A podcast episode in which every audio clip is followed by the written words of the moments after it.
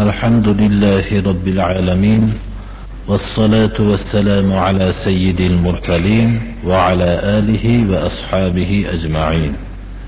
أما بعد السلام عليكم ورحمة الله.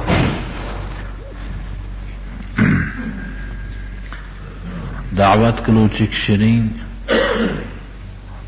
o'zi oltita sifat bilan sifatlanishligini lozim ekanligini bayon qilinib birinchi sifat iymon sifati.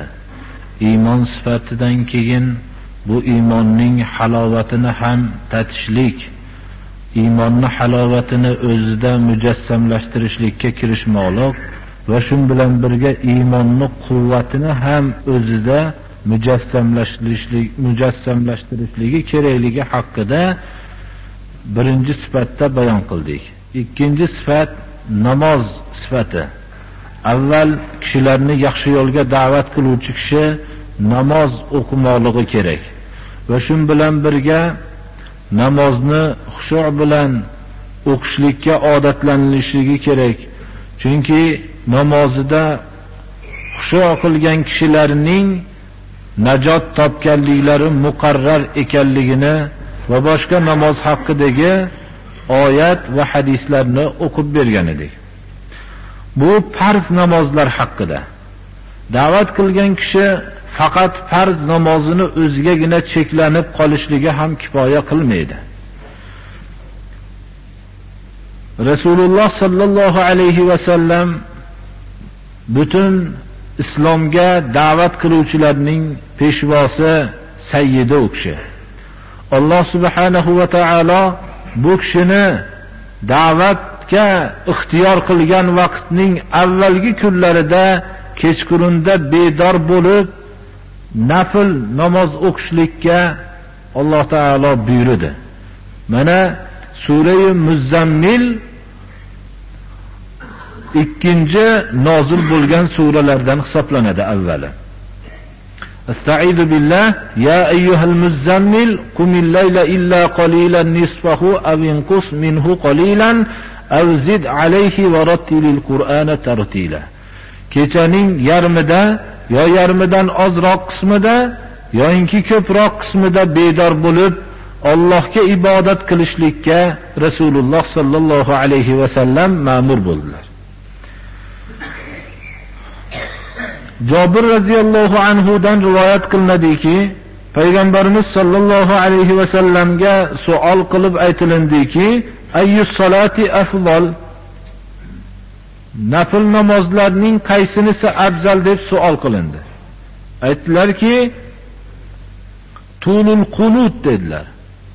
Ya'ni kechqurunda bedor bo'lib, uzoqroq ibodat qilib, duoda bo'lishlik dedilar.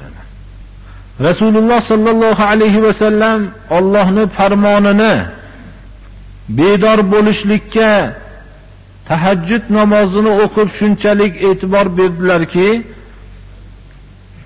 سمعت المغيرة يقول إن كان النبي صلى الله عليه وسلم لا يقوم أو لا يصلي حتى ترم قدماه أو قال ساقوه, ساقوه فيقال له فيقول أفلا أكون عبدا شكورا jobir ziyod roziyallohu anhudan rivoyat qilinadiki bu kishi aytadilarki mug'iradan eshitdimki deydilar roziyallohu anhu aytganliklarini rasululloh sollallohu alayhi vasallam kechqurunda nafl namozda turib oyoqlari qavarib ketgan darajada ham buni tark qilmadilar shunda u kishiga aytilindiki yo rasululloh sizni o'tgan va kelajakdagi gunohlaringiz mag'firat qilingan.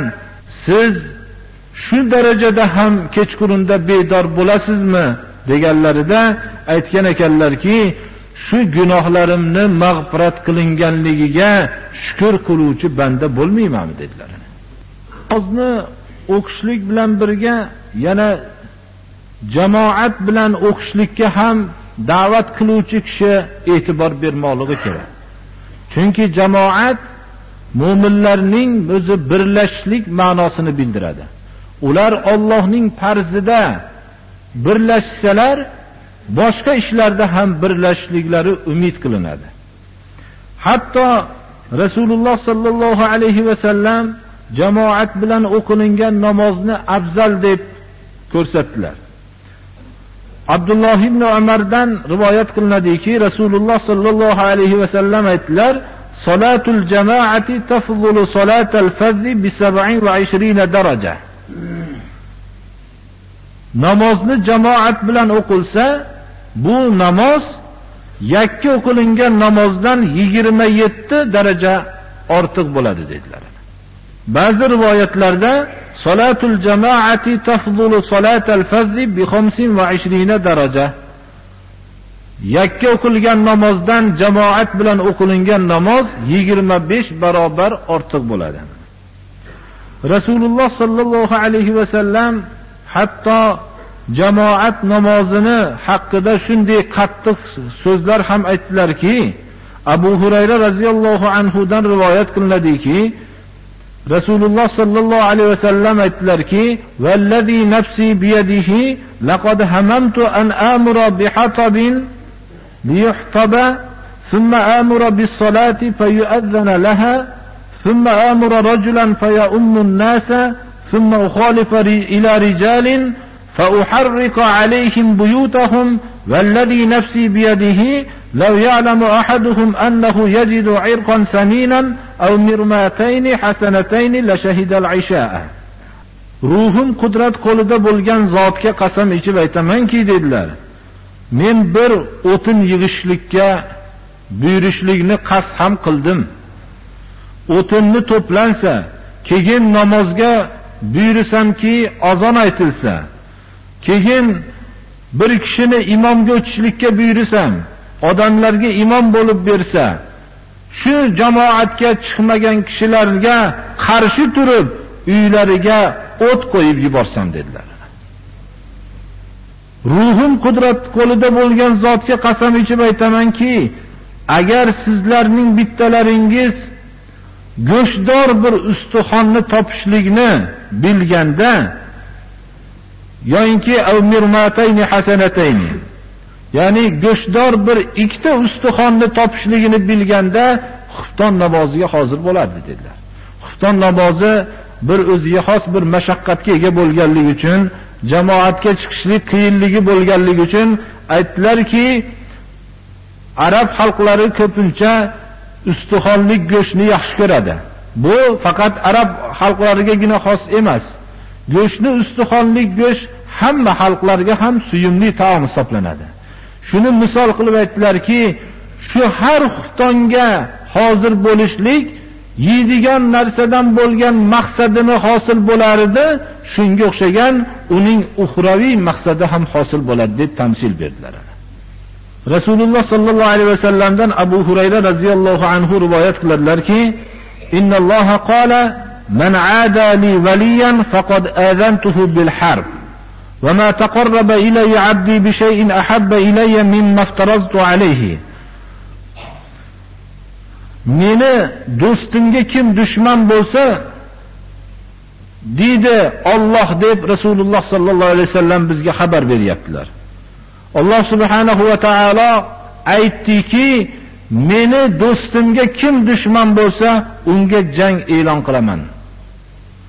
Demak, bir kishi dushmani ko'p bo'lsa, Alloh do'stim deydigan darajada Allohga sig'inishlikni odat qilmoqligi kerak.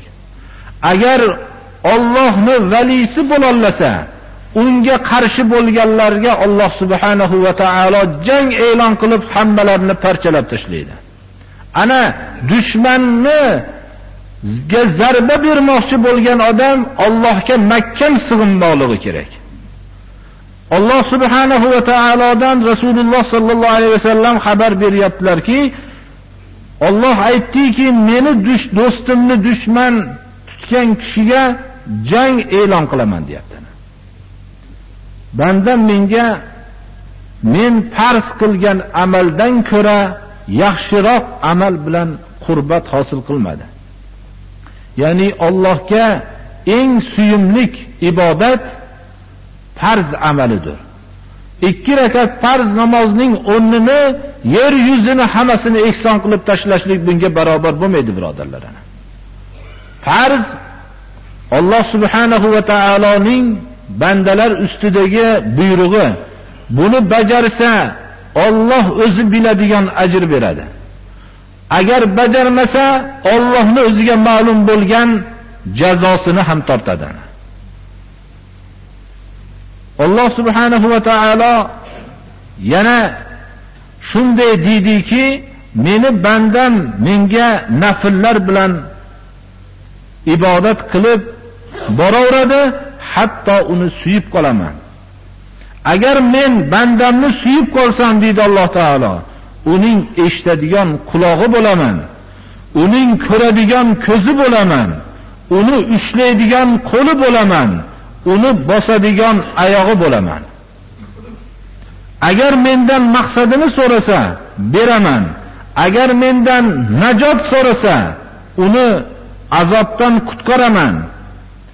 Ana bu so'zlar da'vat qiluvchi kishi faqat farzning o'ziga cheklanib qolmasdan nafl ibodatlarni albatta farz amallari bajarilgandan keyin bu.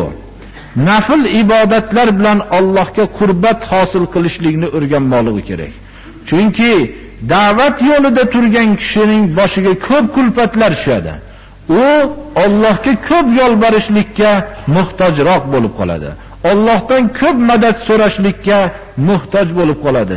Shuning uchun Rasululloh sollallohu alayhi vasallamga tahajjud namozi farz qilindi. Tahajjud namozi haqida nechi rakat bo'lishligi haqida shuni ham qisqacha ma'lumot berib qo'ymoqligimiz kerak. Masruq radhiyallohu anhu dan rivoyat qilinadiki, سألت عائشة عن صلاة رسول الله صلى الله عليه وسلم بالليل فقالت سبع وتسع وإحدى عشرة سوى ركعتي الفجر oysha onamizdan so'radim deydilar masruq roziyallohu anhu rasululloh sollallohu alayhi vasallamning kech vaqtdagi ibodatlarining nechi rakat bo'lishligini so'radim. So'rasganimda javob berdilarki ba'zi vaqtda yetti rakat albatta vitr bilan qo'shilgan holatda. Vitrni rasululloh sollallohu alayhi vasallam va ashobi ikromlar saharda o'qishganlar ular. Tong otishdan tong otishligidan ilgari o'qishganlar. Yetti rakat va o'n bir rakat va ba'zida 9 rakat bo'lganligini rivoyat qilinadi mana.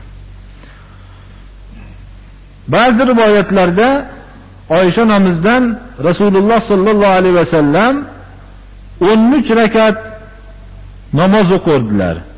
Bu o'n uch rakatni ichida vitr ham bor edi mana. Bomdodning 2 rakat sunnatlaridan tashqariga amaldir bu bomdodning ikki rakat sunnati subhi sodiq bo'lgandan keyin o'qilinadi biz odatlanganmiz ertaman turib sunnatni o'qishlikka. Ashobi ikromlar rasululloh sollallohu alayhi vasallam vitrni subhidan ilgari kechaning uchinchi qismida o'qirdilar tahajjud namozini o'qib bo'lganlaridan keyin oxirida vitr ya'ni toq qilib tugatardilar. Undan keyin subh sodiq bo'lgandan keyin ikki rakat sunnatni o'qib dam olardilar ozgina farzgacha ya'ni subhi sodiqning avvalgi bosqichida ikki rakat sunnatni o'qirdilar. Keyin farzga takbir aytilishligi bilan farzni o'qirdilar xullas bu siyra kitoblaridagi rasululloh sollallohu alayhi vasallamning nafl ibodatlari shu narsani ko'rsatadiki Allohning yo'lida kishilarni da'vat qilayotgan kishi o'zini ko'proq poklashlikka, ko'proq Allohga yolborishlikka muhtojki, kishilar tarafidan yetgan ozorlarni ko'tarishlikka, Allohdan madad so'rab, yordam so'rab yurishlikka muhtojligini bildiriladi. Alloh subhanahu va taolo hammamizni ham hozirgi aytilingan ibodatlarning fazilatidan bahramand qilsin.